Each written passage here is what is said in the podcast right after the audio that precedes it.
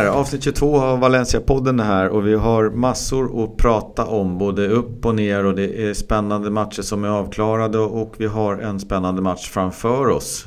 Känner du dig laddad Niklas? Ja det tycker jag. Det känns som vi har en kul agenda på schemat idag. Det blir ju, vi hade ju hoppats kanske att vi skulle sitta här och kunna vara ännu mer positiva och kanske ha en Copa del Rey-final och fira och sådär. Men eh, en seger av två. Eh, så att det var väl liksom ingen katastrof men det blev liksom inte heller den här eh, eh, historieboksskrivande veckan på något sätt. Nej, och förlustsviten är ju bruten nu och förhoppningsvis så påbörjar vi någon typ av eh, segersvit istället. Ja, det får vi hoppas. Det var en viktig seger mot eh, Levante i ligan där och få bryta den, den trenden. Eh, jag tror att det har suttit liksom hårdare i huvudet och psykiskt hos spelarna än vad man liksom velat erkänna kanske. Mm. Vi börjar väl med lite nyheter. Då kan vi konstatera att det är ju inte bara en dans på rosor. Vi har ju lite skador i laget efter Barcelona-matchen i Copa del Rey. Garay borta två månader och Rodrigo borta i två veckor. Nu har det väl gått en av de veckorna då. Eh, och dessutom Kondogbia och Paulisto var borta från träning i veckan. Utöver då Pereira och eh, Morio Morillo sen tidigare.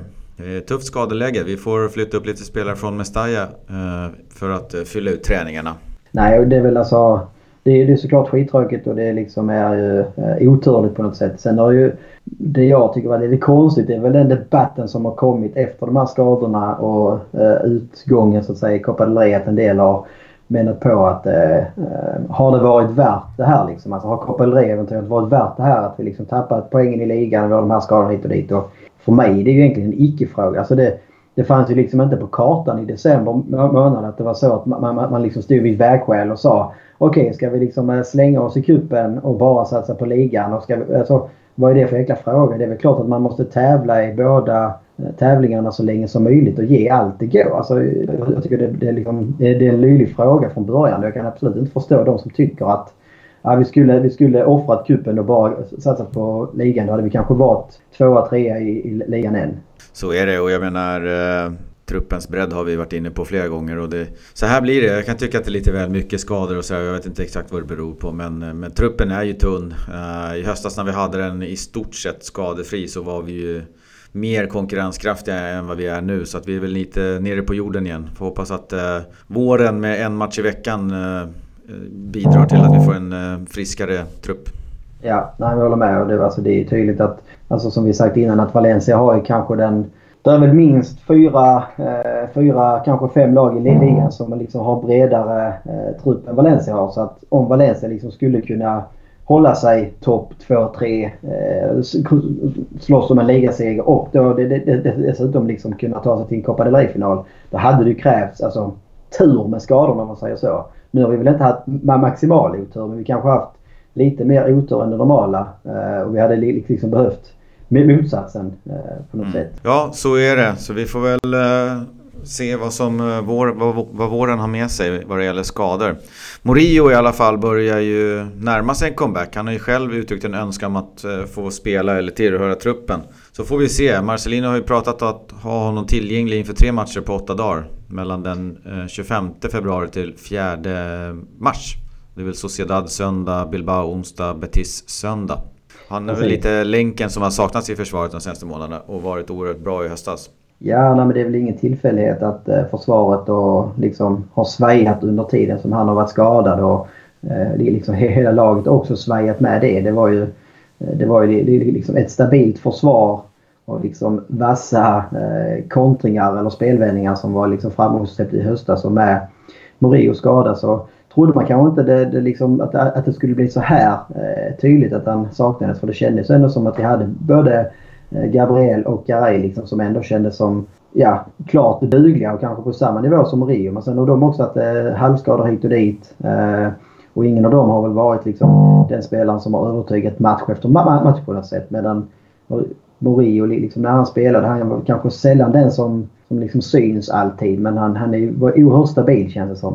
Ja, jag undrar om det finns något lag där som i La Liga som har roterat så mycket på mittbacksplatserna som Valencia. Det har varit eh, fyra stycken och det har varit verkligen snurr där. Till och med Coquelin var ju nere en gång. Exakt. Så att de har ju liksom inte spelat ihop någonting. Vi pratade om det innan. Att jag hade en preferens om att just mittbackarna var en sån här lagdel där man skulle ha två stycken givna som, som spelar ihop sig och det är de som styr det mesta. Det har ju inte varit fallet i Valencia. Nej, och det är väl det som alltså, om vi kommer tillbaka på det som vi sa, det som jag tyckte var framgångsrikt i höstas var kanske då en stabil centrallinje eh, med mittbackslöset och mm. kantspelet. Det är, det är där man kanske då får säga att Valencia har haft otur för det, det är ju det är på de här positionerna som vi har liksom varit hårdast skadedrabbade. Där Guedes och Soler har varit skadade. Där då eh, mittbackarna har liksom gått skadade om varandra på något sätt. Mm. Det hade varit betydligt enklare för oss om det var en vänsterback och kanske eh, en innermittfältare eller någonting som hade gått skadade. För där, där, där liksom har, har inte vårt spel varit så beroende av de spelarna på samma vis. Ja, ja. Vi får hoppas att Morillo nu kommer tillbaka, att, få, att han får spela lite igen och att han eh, påbörjar en, en lång vårsäsong här nu med mycket ja. spel. Sen hade vi även Kangin Lee då, då den supertalangen, eh, sydkoreanen som är uppflyttad till eh, Valencia Mestalla. Han har faktiskt tränat med A-laget i veckan och det kan väl ha lite med att göra med att det är lite skador i truppen så men eh, vilken stor grej för honom. Ja, jag tycker det är skoj att eh, Marcelino och liksom tränarstaben ger Kangini chansen. Vi har sett Ferran Torres som också varit uppe och fått chansen och fått liksom A-kontrakt nu. Och man, är liksom inte, man, man, kollar inte sig blind på åldern så att säga utan är de tillräckligt bra eh, så får de liksom chansen att visa upp sig. Och för Kangin och de här yngre spelarna är det ju liksom superhäftigt att komma upp och, och liksom få se, få se hur stor skillnad det är. Eh, för det är ju betydligt enklare liksom om man kan matcha in dem så här försiktigt på, på, något sätt istället för att det liksom helt plötsligt så ingår man i A-truppen och har ingen aning om vad det innebär och så blir det liksom att man går in i väggen direkt på något sätt. Ja, och han får bekanta sig lite med Marcelino och de andra spelarna och lär sig säkert massor bara på, på en träning. Så att, eh, jättekul för honom. Och sen hade vi väl en liten uh, silly season-grej som egentligen är fönstret stängt nu då. Men uh, det beror väl på huruvida spelare är kontrakterade eller inte. Men Latauro Martinez, 20 år, ska tydligen vara klar för Inter. Uh, en spelare som Valencia ska ha scoutat sedan Ayalas tider som scout med ansvar för Sydamerika då. Han uh, ska ha skrivit på för 32 miljoner euro. Ja. Uh, och Valencia har ju då valt, de har ju varit med där i snacket vad jag förstår, men valt att inte matcha det budet. Och det är ju förståeligt, men det ska vara en liten juvel det där. Jag tror att man hade hoppats på när Ayala scoutade honom, kanske var han var 17, 18, 19 då. Att man hade kunnat köpa dem lite billigare. Men nu har ju de andra klubbarna fått upp ögonen för honom. Inte verkar ha lite mer pengar. Ja, det är lite så. Jag har faktiskt dålig koll på, eh, på spelaren. Eh, man har ju liksom hört att det surrats om honom i olika fönster och sådär. Men eh, väldigt svårt att säga nu liksom om, om Valencia gör rätt eller fel. Och det får väl framtiden utvisa på något sätt. Det är samtidigt mycket pengar för en 20-åring som liksom eh, ändå på något sätt oprövad i de här sammanhangen. Mm. Ja, jag har också jättesvårt att säga någonting om honom. Det ska bli kul att se honom i Inter dock eh, i vetskapen om att Valencia faktiskt var honom på spåren. Så får man väl kanske se om han gjorde rätt eller fel. Ja. Och sen har du spanat lite intressanta kalkyler. Just det, det har varit lite spännande statistik i de valencianska medierna idag. Eh, den första som vi kan eh, rapportera om, säga, det var väl en kalkyl som man i Superdeport hade gjort där man då hade räknat ut eh, värdet på Valencias trupp idag, spelare för spelare så att säga. Och till dags datum, eller om det var igår då, så var Valencias spelare värda totalt 315 miljoner euro. Där man då enligt samma beräkningar och samma liksom, antagande så var samma spelare värd 120 miljoner euro eh, in, inför den här säsongen och innan Marcelinos intåg. Så att, eh, det har varit en väldigt fin utveckling även utanför planen och det är väl klart att det är många spelare som liksom i Valencia eh, i höstas kanske framförallt liksom har exploderat och, och de som är i, i, en bra ålder så att säga så stiger ju värdena snabbt. Men det är ju, det är ju liksom mer än en, det är ju nära på en, en liksom, eh, trippling av värdet på truppen totalt. Det, det är klart att det, det kan ju liksom bli väldigt, väldigt bra för Valencia på sikt det också. Det har ju varit tvärtom känns som de senaste åren där vi liksom har köpt dyrt och när vi väl ska säljas har vi tvingats rea ut det. Och nu, nu kanske det kan gå på andra hållet att vi kan liksom få mer betalt eh, när vi, än när vi köpte dem när de väl liksom ska säljas. Ja, det är bara att kolla på en sån som Sasa då som förvisso nu kanske har tappat lite marknadsvärde men han var inte önskad på många ställen vad jag förstår. Det. Jag tror inte att han behövde välja och raka bland erbjudandena. Speciellt inte bland de större klubbarna. Eh, efter eh, Juventus-tiden och sen misslyckandet i West Ham då som var ganska kapitalt. Han måste ju ha fördubblat eller tripplat eller fyrdubblat sitt värde liksom i, i Valencia. Så är det. Alltså kolla på Sasa, kolla på Kondogbia. Nu är han ju på lån får vi vissa. Liksom. Men han har ju också säkerligen ökat sitt öde, öde ö, ökat sitt värde efter eh, tiden här i Valencia efter att han var liksom iskall i Italien. Eh, det är väl samma sak med Guedes som liksom kom efter inte fått visa upp sig riktigt i PSG. Eh, nu har han liksom då framförallt under hösten blivit en av kanske en av Europas hetaste spelare på något sätt. Och samma med Carlos Soler som också liksom gått från att vara en anonym spelare liksom i Valencia som gjorde debut i mitten på säsongen i fjol och i år eh, liksom en tongivande spelare i topplag. Så det är många spelare som har tagit många kliv framåt och det är klart att det också liksom syns på, på prislapparna. Rodrigo och Mina också. Det var ju 9-10 ja. baljor i La Liga. Jag menar, det, du, kan ju, du kan ju få många erbjudanden från många klubbar bara på, på de målen liksom. Och då är inte Nej. säsongen klar ens en gång. Nej, så det är väl, det är väl egentligen rent krasst kan jag väl inte komma på. Ja, det är väl Montoya kanske som den spelaren som inte ökat sitt eh, värde den här eh, säsongen. Ja. Eh, sen så var det även att man hade fått, eh, det var lite mer löpande statistik. Eh, Gonzalo Guedes får mer stryk än Leo Messi. Eh, vilket är lite intressant och det är väl också någonting som vi har sett. Framförallt liksom efter hans flygande start de första månaderna i, i ligan så har vi märkt det här i matcherna. Liksom att eh, motståndarna går väldigt hårt på honom och de inser liksom att det gäller att stoppa honom innan han får farten. Eh, och ofta då väldigt bryskt på något sätt. Så här får man ju hoppas liksom att, eh, att han skyddas av domarna så att inte ja, att han inte dels får skador och liksom att spelarna som ger sig på honom också väldigt fult åker på varningar så att det inte liksom eh, blir okej okay på något vis. Ja, han tog sig hårt återigen senast där. Vi kommer väl in på det mot eh, Levante. Så ja, jag, tycker inte, jag, jag, jag, tycker inte att motståndarna får tillräckligt många gula eh, just på. Utan det, de kommer undan med det mesta där. Ja. Eh, sen var det även lite statistik på insläppta mål. Eh, det mm. visar sig att eh, nästan exakt hälften, 48,5% av alla insläppta mål har kommit från inlägg från kanterna då.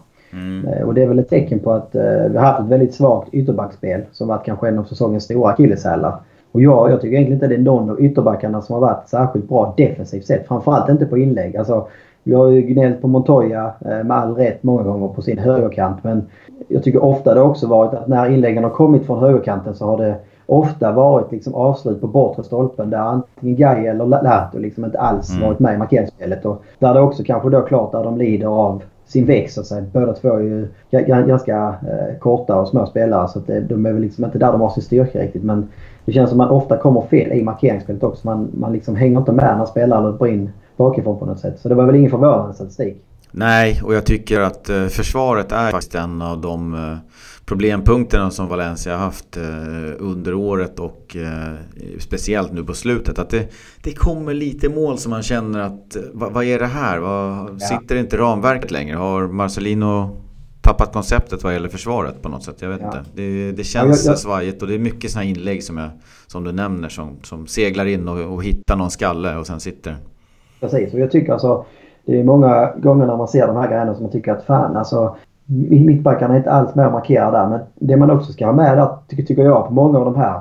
Det är att de, det ofta är alldeles för enkelt. Alltså, det, man, man får då dålig press av ytterbackarna. Mm. Alltså, alltså yttrarna i motståndarlaget kan ofta stå och sikta in inläggen. Eh, då är, då är det betydligt enklare liksom för och hitta liksom man anfaller perfekt mellan mittbackarna. Men alltså, kommer ytterbackarna upp i bra pressavstånd så blir det betydligt mer chansartade inlägg på något sätt. Eller liksom att man inte får in inlägg, att det blockeras. Men jag tycker att många av inläggsmålen börjar med att ytterbackarna är alldeles för dåliga i sitt pressspel. Ja, det fanns ju en, ett bra exempel på det i en annan match. Hur viktigt det är att blockera inläggen. Det var ju Arsenal-Tottenham i helgen. Eh, Ola Andersson i Viasat-studion visade ju på, jag vet inte hur många blockerade inlägg det var när de sökte Harry Kane. Och så sa ja. han det att eh, hittar de här inläggen in i andra halvlek, då vinner Tottenham. Och det gjorde de. Det tog eh, tre försök, eh, tre inlägg och Harry Kane nickade in en valja. Och det är dit Valencia behöver komma. Vi måste vara närmare kanterna, närmare spelare ute så att inläggen inte kommer in hela tiden. Nej, nej och det är, alltså, det är ju en sån statistik som man sällan, sällan kollar på. Kanske sällan heller i match tänker på. Alltså när någon blockerar ett inlägg. För det, det, alltså, det är inte så oj det där gjorde han jäkligt bra för att man är där med en fot och blockerar ett inlägg. Alltså det är inte så spektakulärt som att göra en fin eh, glidtacklingsbrytning på något sätt. Eller liksom reda på mållinjen. Men det är ju de där små grejerna. Liksom, alltså det där gnuggandet. Alltså det är, tappar du någon procent där så är det ofta där det liksom är mest dyrköpt på något vis. Mm. Så det, där, där, där bör man jobba vidare med det med inläggsspelet. Både liksom i, i straffområdet och ha koll på sin markering men även liksom på ytterbackspelet att man kommer upp i press tydligare på något vis. Ja, Och sen hade vi eh, en massa gula kort. Just det. Valencia nu efter 23 omgångar ligger man på 67 gula och 4 röda kort. Vilket var då...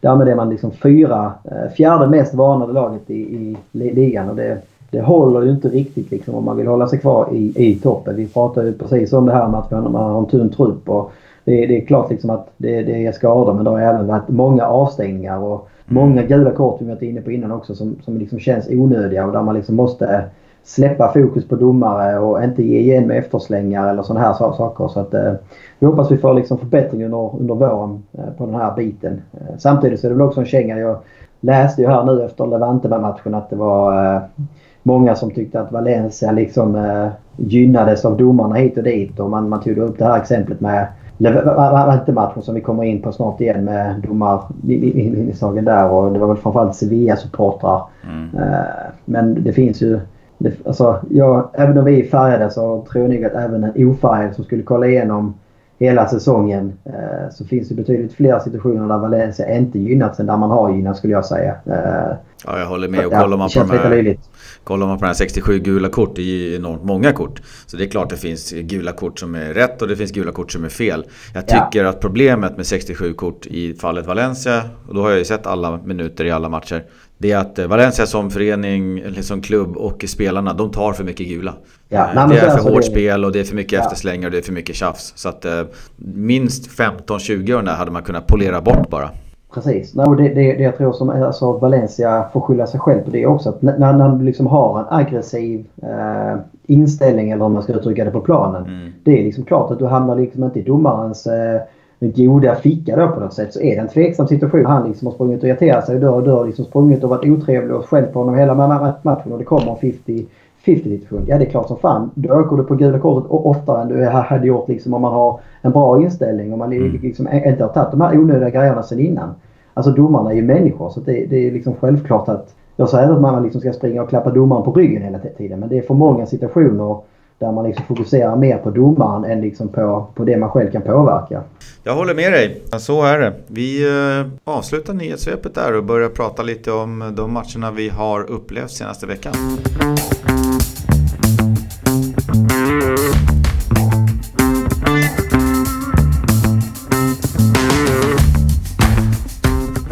Och då känner ni alla till. Valencia åkte ur Copa del Rey mot Barcelona sista matchen slutade 0-2. Coutinho och Rakitic eh, gjorde målen och eh, det avgjordes väl egentligen när Coutinho på något märkligt vänster satte 1-0. Då hade Valencia behövt göra tre baljer och det gör man inte. Nej, så är det tyvärr.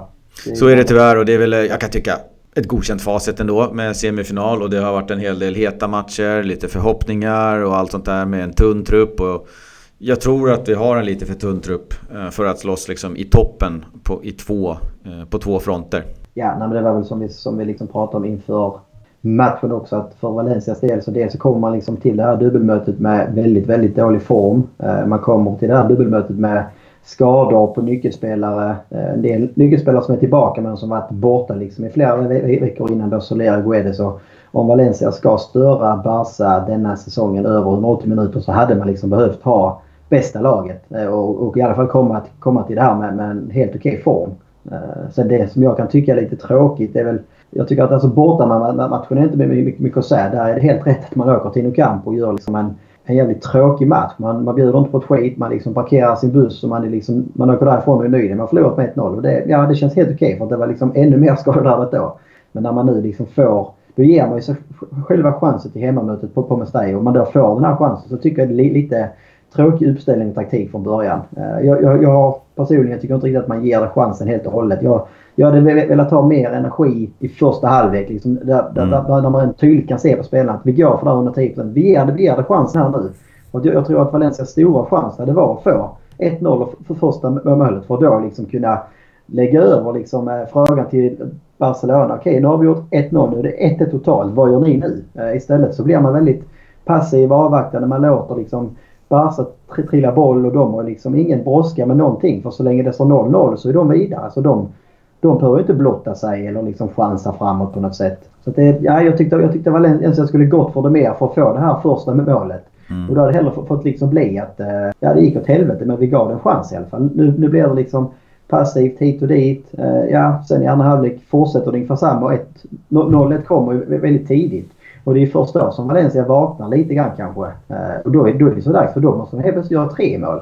Istället för att liksom gå ut från början och försöka göra ett mål och sen kanske kunna backa hem en bit och då mer ligga på, på försvar och vara med på omställningar för att kanske kunna göra 2-0. Eh. Och som det har sett ut för, på slutet här nu för Valencia så, så har Valencia, vi, vi har lite svårt att göra mål. Uh, ja. Mot Barcelona så vaskar vi fram lite för dåligt med chanser. Men i andra matchen på Mestalla så tycker jag ändå att chansen till en chans, att säga, eller anfallen, de fanns där. Men, men det, det, det kommer inga spektakulära aktioner eller något snyggt långskott från Gedes som han hade mot Sevilla, två stycken hemma där tidigare i, i höstas. Så inga den typen av mål. Den typen som uh, Atletico gjorde mot uh, Valencia för några år sedan. Vi, vi, vi får kämpa oerhört hårt för de målen som kommer och, och ingenting ja. extraordinärt. Mot Barcelona var det så att det, ja, det hade behövts uh, något extraordinärt där i början och få 1-0 och liksom jakten är på nu. Nu, nu kan vi Exakt. köra. Ja. Nej men man hade ju behövt. Rodrigo har ju den här nicken i ribban. Det är väl mm. den liksom, i stort sett den enda riktiga målchansen som man har i första halvlek. Och sen så har man då Gajas där när Barca redan leder. Men det, är inte mycket, mycket mer än de två över 180 minuter. Och det, är liksom, det krävs ju lite mer för att liksom kunna slå ut ett lag som Barcelona. Och det är väl det som liksom jag saknar. Det är väl den här hungern att man ser att det är ett, liksom ett desperat Valencia som är på planen för att liksom slåss för att spela en, en, liksom en cupfinal för, för första gången på tio år. Jag tycker inte alls man visar den passionen eller eh, hängivenheten på, på, på något sätt. Utan man, ja, man har för stor respekt och man vågar mm. inte tillräckligt. Så det, som, alltså det, det är väl det, det som har känts de senaste omgångarna däremot. Både att Atletico borta och dubbelmötet här. Att man liksom rädslan för att förlora är större än viljan att vinna. Eh, både hos spelarna och hos Marcelino med, med taktiken på något sätt. Eh, sen så det, det, är det väl självklart att senaste tidens eh, svaga resultat eh, sitter liksom i huvudet också. Att man, man går ut mer och vill liksom försöka undvika att förlora igen. För man kommer till, mm. till, till, till, till returen på hemmaplan med fem raka förluster. Och det är väl, det, det säger ju sig själv liksom att det, det är ju inget, inget liksom skojresultat när man liksom ska försöka gå ut med självförtroende och passion i en match och så har man fem raka i ryggsäcken på något vis. Men det, jag tycker man det var den vi hade behövt se. Det är ju det som man visar upp i, i framförallt i andra halvlek i ligamatchen i höstas på Mestalla mot Barcelona där Valencia spelar ut dem eh, totalt. Mm. Man, man liksom trycker på och vågar. Man, man vågar framåt. Man, man släpper liksom handbromsen. Det, man bara går ut och kör. Eh, och då, då, då kan man också pressa tillbaka dem. Ja, det var ett eh, Valencia i form och i medvind i höstas där. Verkligen. Ja. Uh, så att uh, det var inte riktigt samma, samma vind i seglen den här gången. Så att uh, vi bokför en, en fin Copa del Rey-prestation med en semifinal där vi ändå fanns med i matchen en bra bit in i, i andra matchen, i returmatchen mot ett eh, väldigt, väldigt svårt Barcelona. Så kan vi väl kika fram mot eh, cykelderbyt. Just det. Eller vi kan snacka ner cykelderbyt, det har ju varit. Ja, Där var det ja. faktiskt en, jag kan tycka, en välförtjänt seger. Uh, om än med lite sur eftersmak i munnen. Vi, vi har ju klagat på domarna tidigare och jag kan tycka att det finns all anledning att klaga på domarna även här för han var inte bra. Det var ju Nej. en uh, väldigt märklig, märklig frispark som Valencia fick där. Uh, och ja. straffen, jag vet inte. Det, det, går väl att argumentera för vem som är på bollen där och Sasa och så vidare. Men när jag har sett reprisen så tycker jag nog inte att det är straff. Men det finns säkert, det är inte den värsta jag har sett. Nej, domaren hamnar i fokus eftersom mm. det var liksom säkert en 3, 4, 5 eh, kontroversiella situationer som blir liksom mer eller mindre avgörande. Eh, och det är väl en, en, sak som jag kan tycka är lite irriterande. Det, det är att det tilläts bli så avgörande. För jag tycker Valencia de är så pass överlägsna här att man borde ha avgjort det här på egen hand så att säga. Nu blir det liksom snack om att det var tack vare domaren som man vann hit och dit. Jag tycker det är onödigt för att Valencia gör sin bästa match på ja, ett bra tag. Eh, framförallt offensivt. Så liksom, skapar man ju chanser helt plötsligt om man har ett flyt i anfallsspelet och man är inte alls så trubbiga som man sett ut de, de senaste omgångarna. Eh, sen så blir det ju då... Det är liksom... Det är inget, inget snack om att det här bortom målet för Levante det är liksom är helt felaktigt. Mm. Eh, och sen så går då Valencia upp och gör, ett, eh, gör 2-1 direkt efter som är helt eh, regelrätt. Inget snack om det. Eh, och sen så är det väl då framförallt Sasa straff på slutet och det... Ja, ja, efter de priserna jag har sett så blir jag mer och mer att jag tycker det är straffat. Jag tycker mm. han är först in där och sen så krockar man liksom. Eh, samtidigt så vet jag inte varför det varit så mycket, mycket snack om den straffen. För att det, den är liksom inte avgörande i min bok. Utan det beslutet som är avgörande det är att han dömer bort Levantes mål så att säga. Uh, där är ju en straffsituation på Kondogbia i första halvlek och i samband med den här straffen han dömer så varnar ju domaren fel spelare i Levante. Och Eh, den här Robert skulle kanske varit utvisad ett par, tre gånger innan. Han har ju en riktigt ful eh, tackling med dobbarna före på eh, Guedes eller Santimina tror jag det är. Så att det är liksom många situationer som där domaren gör väldigt, väldigt konstiga beslut. Och det, det blev ju också tydligt idag när han då blev avstängd från att döma i en månad framåt här. Ja, verkligen. Det, det är som jag sa, jag tycker att han... Eh, vi ska gnälla på domaren, han gjorde en dålig insats. Eh, hans värsta miss är ju inte eh, straffen till Valencia. Nej. Utan det är ju som sagt varna fel spelare och missen på, på Levantes mål och sen... Jag menar, jag tycker det är miss också när, som du säger, när Kondogbia ska ha straff. Men det är ju ingenting som man liksom kanske går i taket för sådär. Nej. Det, det går att missa, det är inte tjänstefel. Och det är ju när han blåser bort Levantes mål. Exakt. Nej, men det blir, det blir för många saker. alltså, om man nu ska kolla domars insats tycker jag ändå man, man, man, man liksom får lägga ihop allting på, på, på något sätt. Eh, men det, det som jag tycker har kommit helt i skymundan här med domaren och med det här bortdömda målet. Det är ju Gabriels agerande. Alltså vad fan håller han på med? Alltså han, han puttar ner Gaia med raka armar framför sig när ett inlägg kommer. Alltså då, då kan man säga så här på två sätt. Antingen så är det medvetet att han liksom ser att det är grej och då kan man ju verkligen undra vad fan han håller på med. Och är det inte det att han tror liksom det är en eh, Levante-spelare så kan man undra då vad fan håller du på med? Alltså, då är det ju en solklar straff. Om alltså, det är raka armar i straffområdet, bollen är på väg, alla blickar är där. Så det, är, alltså, det är ett helt hjärndött eh, ingripande återigen av eh, Gabriel. Så man, alltså, ibland så undrar jag liksom vad, vad, liksom, vad som alltså, händer i hans hjärna när, när han gör de här sakerna. Ja, man tänker så här. Han, han knuffar undan en spelare som, som är i kamp med honom om bollen. Men han ja. lyckas inte nicka bollen. Nej, det är någon annan som nickar bollen så han knuffar ja. bort en spelare i onödan. Ja, ja plus alltså med, med den knuffen så utsätter han sig för att, alltså, men är det en Levante-spelare istället för Gaia, då är det ju liksom alltså, det, det, det är ju solklart straff. Alltså det finns mm. ingenting att säga om det. För det är raka armar i ryggen på, på en spelare som liksom ska gå upp i duell. Och liksom om det nu, han vet att det är Gaia, vad fan knuffar han honom för? Alltså, oh, det, Vansinnigt. Ja. ja. Han har lite saker för sig ibland som eh, kan vara lite svåra för oss eh, dödliga att förstå. Ja men det är precis som liksom det brinner till i huvudet ibland. Och den, den närmaste jag tänker på när jag ser honom det är, det är nästan alltså Pepe som spelade i Real ja. innan. Alltså, de här liksom otroligt märkliga, dels en sån här grej och sen det här liksom då utbrottet som han fick när han blev utvisad där han liksom inte ger sig och bara går på. Det, alltså, det, det, det bara svartnar för ögonen liksom. Att det, mm. det finns, det är precis det, det är någon, några spärrar eller några liksom, eh, jag vet inte, hjärnceller som saknas på något vis. Ja, så är det. Jag noterade också en grej här eh, att eh, Santemina, han visar eh, åter en gång vilken typ av spelare han är, för mig i alla fall. För jag tycker att han är helt fantastisk i, i sista touchen när han får bollen. När han ska stöta den mot mål, eller han ska skjuta den mot mål, eller han ska nicka den mot mål. Där är han fantastisk. Men sen har han stora brister i spelet på planen med bollen.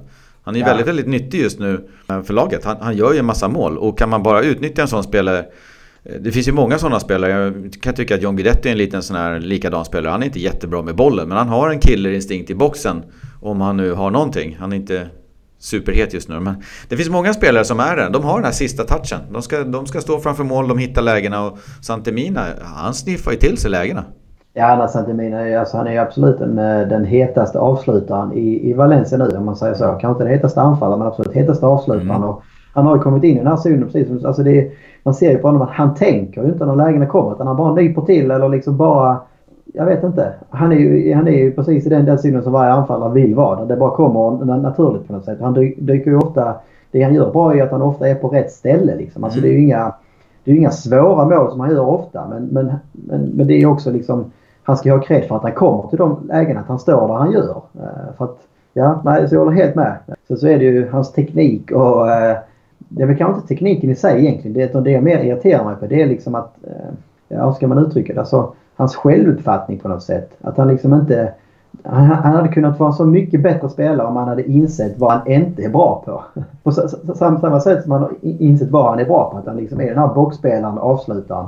Så får han också inse att han ska liksom, när han har bollen ute i spelet så ska han göra det väldigt, väldigt enkelt.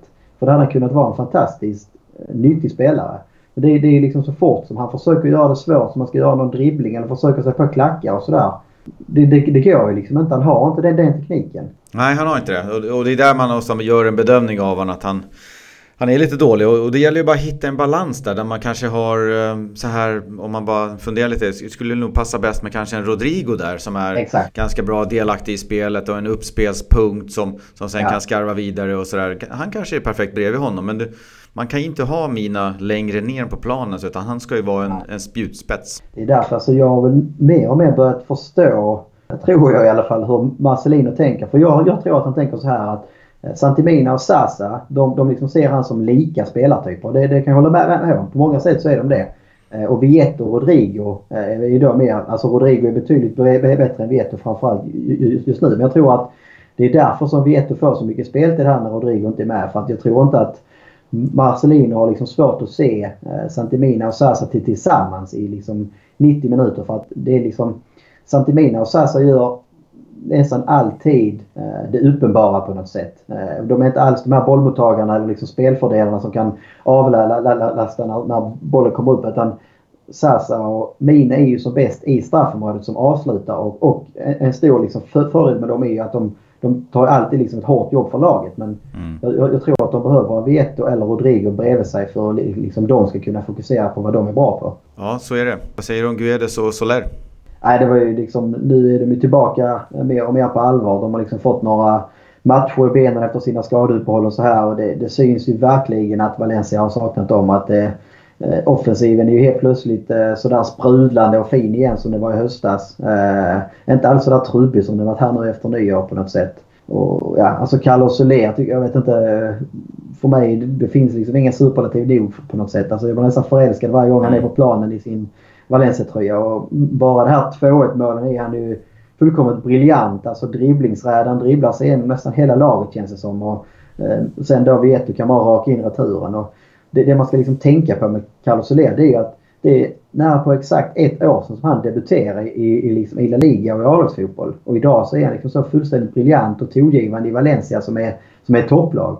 Och då dessutom egentligen på en position som inte är hans naturliga i alla fall. Nu har han ju mer och mer växt in i det. Eh, men jag tycker nej, det liksom är, man, man blir glad av att se honom på planen. Och det är liksom heller ingen eh, tillfällighet som vi sa innan om Boré. Det är ingen tillfällighet heller tror jag att det var liksom när, när, när Solena skadades som offensiven började liksom eh, krackelera och som det kom en svacka för laget på något sätt. För att nu, nu är han tillbaka och laget börjar både vinna och se bra ut igen. Um, han är ju inte lika uppseendeväckande som Guedes kanske och gör liksom inte de där uh, rycken på samma sätt. Eller liksom det, det, det är det som sticker ut. Men i mina ögon så är han en av de allra viktigaste spelarna i truppen. Och en av de som jag i alla fall alltid, om han är skadefri, plitar ner på en startelva tidigt.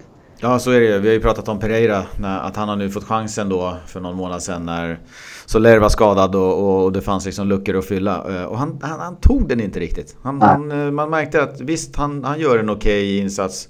Han gör vissa saker bra, han försöker, han vill och så vidare. Men nu när Soler var tillbaks bör, såg man ju direkt vad det är vi har saknat. Vad är det, ja, vad är det Pereira ja. inte får till?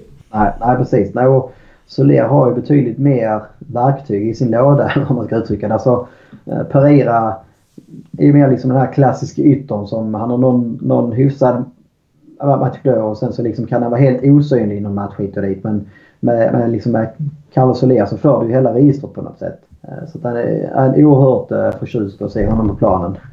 Ja, sen kan ju jag skrev ner här baklängesmålet där. Jag kollade lite på den. Det var en... Visst, han kom ju helt ren och han får ju raka in den och, och, den går ju på fel sida av två spelare så att Neto hinner inte reagera. Men det är ju ganska klurig variant faktiskt. Det är mittbacken som... Han är inte alls med på hörnan när den slås. Så ingen markerar honom. Han är långt, långt bak på planen. Sen börjar han smyga på och, och löper full, full macka rakt in. Och det är ingen som tar han. För de markerar ju alla som är där. Ja. Nej, det, det känns väl alltså det, man står lite och sover också på något mm. sätt. Det känns som att man, man spelar mycket eh, zon i försvarsspelet på något vis. Eh, och här, här kommer man helt bort sig när det är någon då som kommer utanför, som är helt plötsligt liksom utanför zonen på något sätt. Mm. Ja, det gäller att se upp med det där för det där gjorde de ganska bra. Det är ju mångt, många fler Valencia-spelare i, i defensiven där än vad det är Levante-spelare. Och de tar sina löpningar, eh, säkert inövat och allting. Så att det blir en liten eh, yta där. Och han kommer ju väldigt inövat just i den ytan och, och hörnan slås ju Det är ingen Eh, jag tror att det är en kort hörna till och med och sen ett inlägg då. då. Eh, men, ja. men, det är ju en yta som man oftast inte söker. Eh, så att hatten av för den varianten och se upp för den eller kanske till och med lägg in den i repertoaren. Neto är väl lite passiv också där mm. känns det som. Han står liksom helt stilla och det är ju inget hårt skott. Alltså jag, tror att han kanske ser den Ja, det är två spelare som är där precis framför bollen och Neto kollar på ena sidan av spelarna och bollen går på andra sidan. Så jag tror att han tappar starten ja. av, av skottet. Men eh, jo, han är passiv på det. Ja, det känns som ibland så kommer han liksom lite fel på de här grejerna. Att ser, ja, alltså han, han har också gått ner sig en del kan man väl. Man kan väl också hoppas att han liksom vaknar till och blir lite stabilare under våren. Jag tycker inte heller han har varit samma, samma målvakt som han var under hösten på något sätt. Och det, det är väl klart att det hänger ihop en del, del med rotationerna och skadorna i, i försvar såklart. Så är det. Ska vi slutligen eh kolla lite på spelschemat här. Det ser ju lite överkomligt ut. Eh, vi ska snart prata lite om eh, Malaga borta. Men sen är det... Vad har vi? Sociedad, eh, Bilbao, Betis va? Just det. Det är ja, överkomligt. Vi får väl hoppas liksom att det var precis den här typen av... ja, som det nu blev liksom kontroversiell seger och liksom där det sitter hårt inne. Att det var det här som laget behövde för att vända trenden och få tillbaka självförtroendet. För nu har man ju då som vi sa Eh, Eh, fyra lag här framför sig som, som ligger under i tabellen och där chanserna till tre poäng ska vara väldigt stora. Så då har man liksom chansen att återigen eh, befästa sin topp 4-placering till att börja med. Eh, Villarreal har ju tappat fart här på slutet och har ju liksom inte riktigt tagit chansen hela vägen när Valencia förlorar och förlorar. Och Sevilla känns som de... Det är väldigt svajigt. Det är, liksom, det är upp och ner och det är fram och tillbaka och man är liksom, nu är man i eh, Copa del Rey-final också och man har Europaspel och så här. Så att eh, Valencia har bra chans här att liksom skapa sig ett avstånd neråt. Ja, Sevilla spelar borta mot Las Palmas och Villarreal spelar borta mot Espanyol. Så det är inga liksom givna promenadsegrar där heller. Så att eh, kan vi plocka en trea mot Malaga, ja då kan det mycket väl vara eh, sju eller nio poäng då. Blir det. Precis.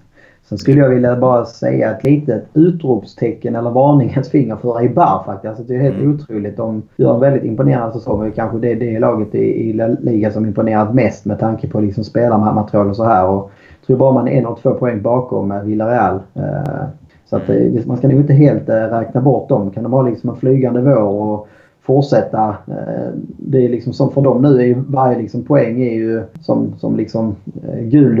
Alltså de, de har ju redan uppnått alla mål med, med sin säsong. Eh, man är liksom en poäng bakom Sevilla och Villarreal på Europaplatserna. Så det gäller liksom inte att man helt bortser från dem. Nu har Valencia åtta poäng ner till dem tror jag. Så att det ska väl, det ska väl till ett liknande ras som, som vi hade här under vintern. Och för Valencias del så var det precis som vi pratade om i förra avsnittet. Det var ju efter inledningen där, där man kryssade eh, mot Levante i derbyt på bortaplan. Det var ju sen som man då inledde sin liksom, segerrad eh, och kom liksom, i den här toppformen under hösten. Så att, får väl hoppas att det blir samma sak här nu när, när serien vänder så att säga. Ja, verkligen. Eh, Eibar möter Bal Valencia, eller vad eh, Barcelona nu i helgen. Så där får de gärna stöka till det. Och jag minns ju att eh, Valencia spelade en väldigt tuff match mot Eibar i höstas. Så att, det är inget lag som man bara städar av. Då så, då stänger vi ner eh, nersnacket och börjar snacka upp en mycket intressant match mot eh, Malaga alldeles strax.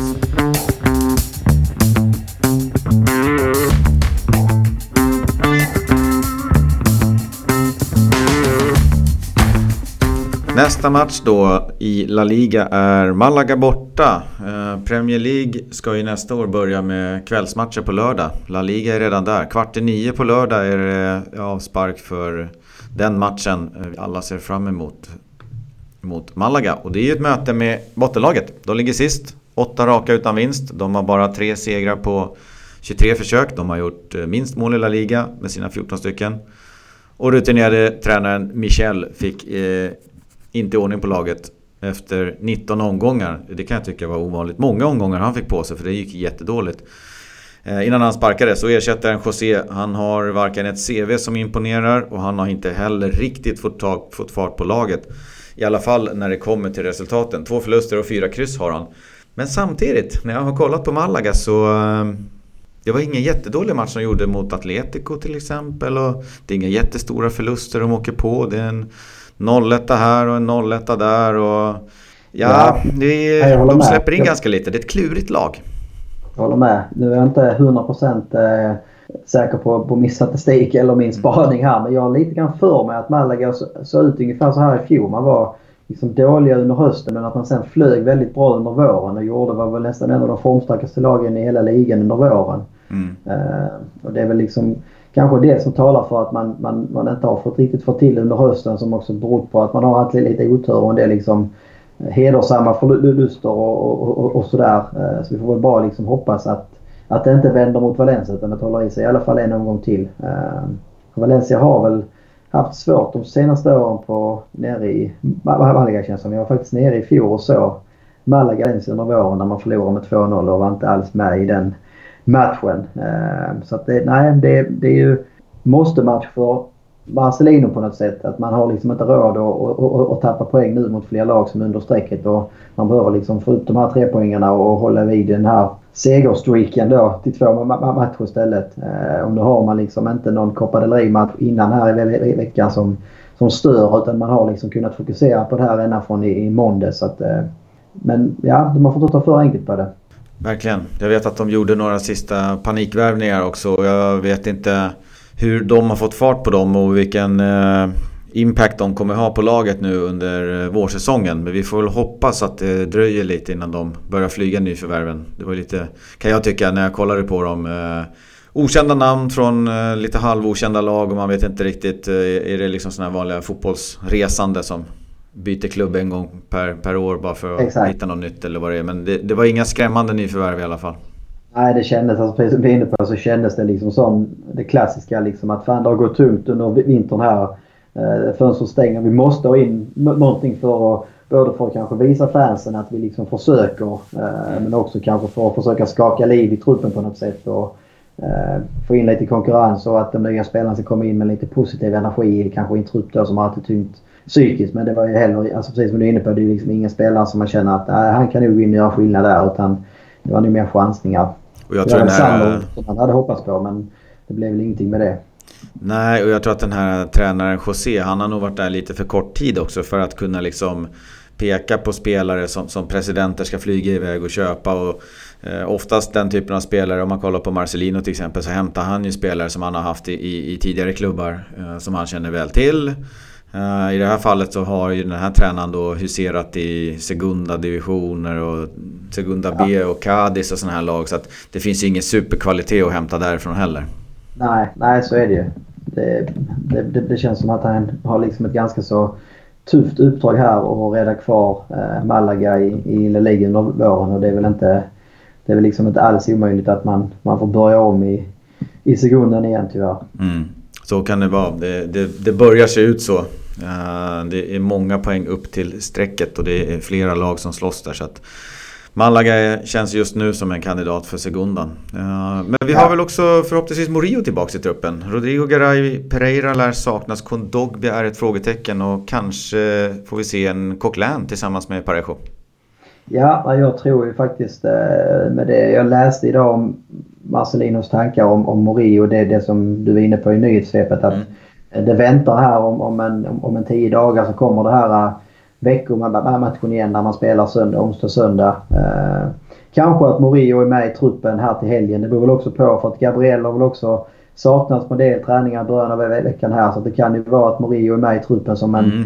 liten backup eh, redan i helgen och kanske får en kvart att spela. För att vad jag har förstått på honom så är han, liksom, han är helt tillbaka i träning och helt återställd men behöver, liksom, behöver få träningsminuter och liksom Eh, kommer komma tillbaka i speldugligt skick. Så det, det kanske inte är fel att ha med honom i truppen och förhoppningsvis så kanske Valencia kan, kan ha avgjort den här eh, tillställningen på något sätt. Så man, man kan slänga in Murillo och få en kvart, 20, 20 minuter i andra för att liksom matchas in.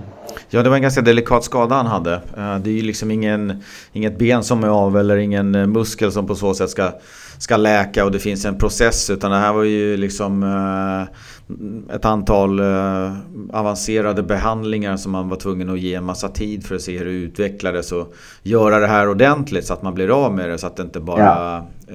är ett återkommande hela tiden. Att man är borta varannan match på grund av problem med ljumskarna. Nej.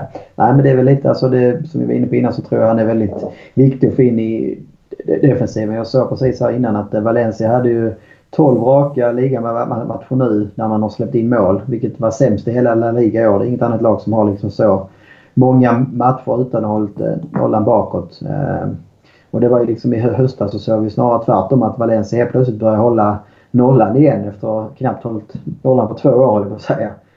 Så man behöver hitta tillbaka till den här stabila defensiven igen. För det är ofta... Alltså kan man börja, med, börja bakifrån så att säga.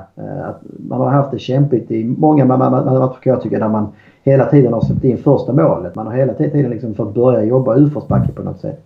Och det är den enkla lösningen oftast på, på saker och ting. Att man, man löser defensiven och så bygger man därifrån. Och där kan man ju se på, på Malaga, motståndarna där. Det, det är en ganska tight defensiv de har där. Alltså det, det är inget såll som läcker. Uh, så det gäller att försöka få hål på det där. Först hålla tätt bakåt och då har man åtminstone 0-0 och en poäng med sig. Men att få hål framåt och med tanke på det. Hur kommer Exakt. anfallet se ut? Ja, nej, men det vill säga jag tror Malaga hade sett in två mål mer än Sevilla bara. Sevilla är liksom mm. med och krigar om topp 5. Så det är ju inte försvaret som har varit det stora akilleshälen utan det är väl Malagas offensiv. De har bara gjort 14 mål. Eh, så för Valencias del så gäller det att de som får chansen i anfallet är heta. Och det är väl frågan hur, hur Marcelino tänker. Eh, vi har väl Mina, Vieto och Sasa tillgängliga då. Eh, och det var ju som vi pratade om innan, Santimina känns som den, den hetaste just nu. Och jag tror ju att, eh, att Vietto, liksom, som jag sa innan, är det närmaste Rodrigo vi har. Och Rodrigo för mig är ju den viktigaste anfallaren av allihopa när, när liksom alla är skadefria. För att han har ett spel som, som inte riktigt någon, någon annan har. Även om kanske Mina och Sasa ibland kan vara bättre avslutare så erbjuder eh, Rodrigo någonting som vi behöver där uppe. Eh, så jag blir inte förvånad om det ser ut som det gjorde sist att eh, Santimina och Vietto startar. För jag tycker Sasa har ju sett väldigt sval ut på slutet här. Ja, jag skulle nog tippa på att det kanske blir eh, Santemina och, och Sasa ändå. Vi får se. Ja, nej men det är väl... Eh, jag, jag, jag, tycker alltså... Anledningen till att jag vill ha Vieto från start är ju inte för att jag tycker han har sett bra ut. För jag tycker han har varit... Han har inte varit dålig för att han har varit helt osynlig i två, tre omgångar i rad. Eh, det är liksom, han märks nästan ingenting. När han väl märks så är det väldigt enkla grejer han gör. Så att det liksom känns inte som att det bidrar så mycket. Men jag vet inte, jag har ändå någonting i mig som liksom mer jag tror fortfarande att Vieto kan bli bra men att han mm. behöver liksom speltid. Och nu fick han göra ett eh, skitmål sist och tydligen var det liksom hans första mål i La Liga på 14 månader för en anfallare. Det är liksom helt sanslöst egentligen. Då har han ändå spelat i liksom eh, toppklubbar. Alltså det är inte så att han har krigat i, i liksom jumbon i 14 månader här utan han har varit i Valencia ett par ligomgångar och han har innan det dess varit i Sevilla och Atletico och fått liksom chanser men inte gjort mål i ligan på 14 månader självklart som anfallare vars huvuduppgift är att göra mål så är det ju självklart att det sätter sig i huvudet. Eh, så kanske liksom att man nu fick göra det här pissemålet eh, i öppet mål men nu börjar liksom någon mental spärr och det liksom ramlar av en del eh, tryck från axlarna på något sätt så vi kan se, se den Vieto som vi såg när han hade Marcelino och Villarreal för några år sedan. Ja, jag tycker ändå att målet där, den ramlar ju ner som ett brev på posten efter något hopslag framför Vieto som äh, jäkligt kyligt gör en sån här mikrochip över om det är målvakten eller ett ben där och sen bara ja. rullar in den. Så att det finns lite finess i det här målet ändå.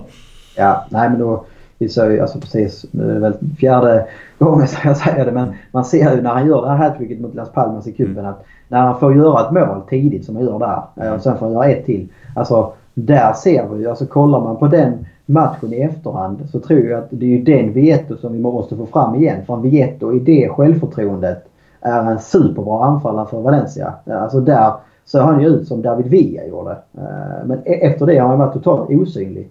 Så vi måste ju på något sätt hitta tillbaka så att han får tillbaka det självförtroendet och vågar vara den självklara anfallaren liksom ute på planen. Nu, är det precis som han är rädd för att ha bollen på något sätt.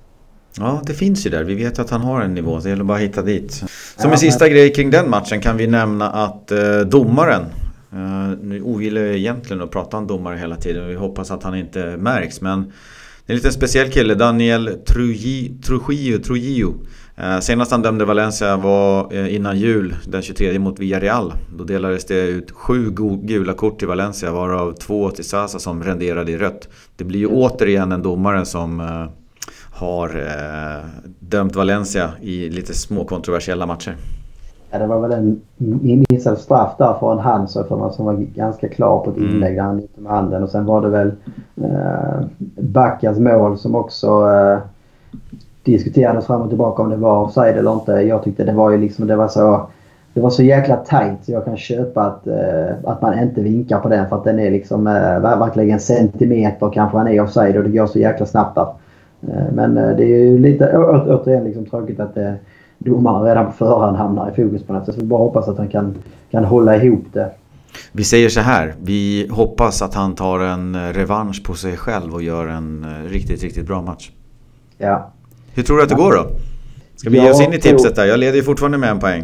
Ja precis. Jag behöver jaga ikapp nu så jag behöver tänka lite mer kontroversiellt utanför boxen höll jag på att säga. Uh, nej men jag, jag, jag, tror att man, eh, man vinner. eh, oväntat nog. Eh, jag tror väl också att man liksom eh, man håller nollan bakåt. Eh, Malaga har sett extremt bleka ut i offensiven så att är det någon gång man ska kunna hålla tätt så är det väl mot Malaga som gjort eh, blott 14 mål på 23 omgångar. Eh, så det blir eh, 0-3. Oj, oj, oj. Jag gillar alltid dina tips. Det är bra. Vad har vi för målskyttar då? Vem, vem, vem får äran? Eh, Guedes gör första i alla fall. Ja, det räcker så. Ja.